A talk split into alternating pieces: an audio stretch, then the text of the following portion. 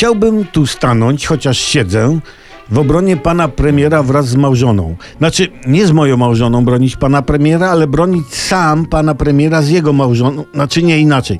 Nie będę bronił pana premiera przy pomocy jego małżony, ale stanę w obronie pana premiera i jego małżony. O, teraz chyba jest jasne. Chodzi o te działki, które sprzedali. Działki ziemne, a nie narkotykowe, żeby było, nie było. Czyli działki położone na ziemi, w sensie grunta. Wiadomo, grunt to ziemia, prawda? Nie obalisz tego. Ludzie pospolici o mentalności rozstrojonego saksofonu zarzucają państwu Morawieckim, że kupili działki od kościoła za 700 tysięcy, a sprzedali za niemal 15 milionów.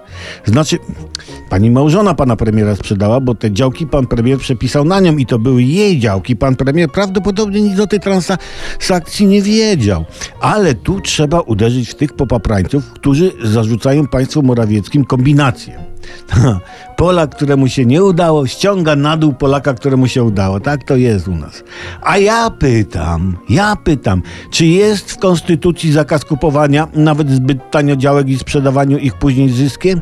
Nie. A czy w dekalogu jest przykazanie, nie będzie sprzedawał działki kościelnej tanio przyszłemu premierowi?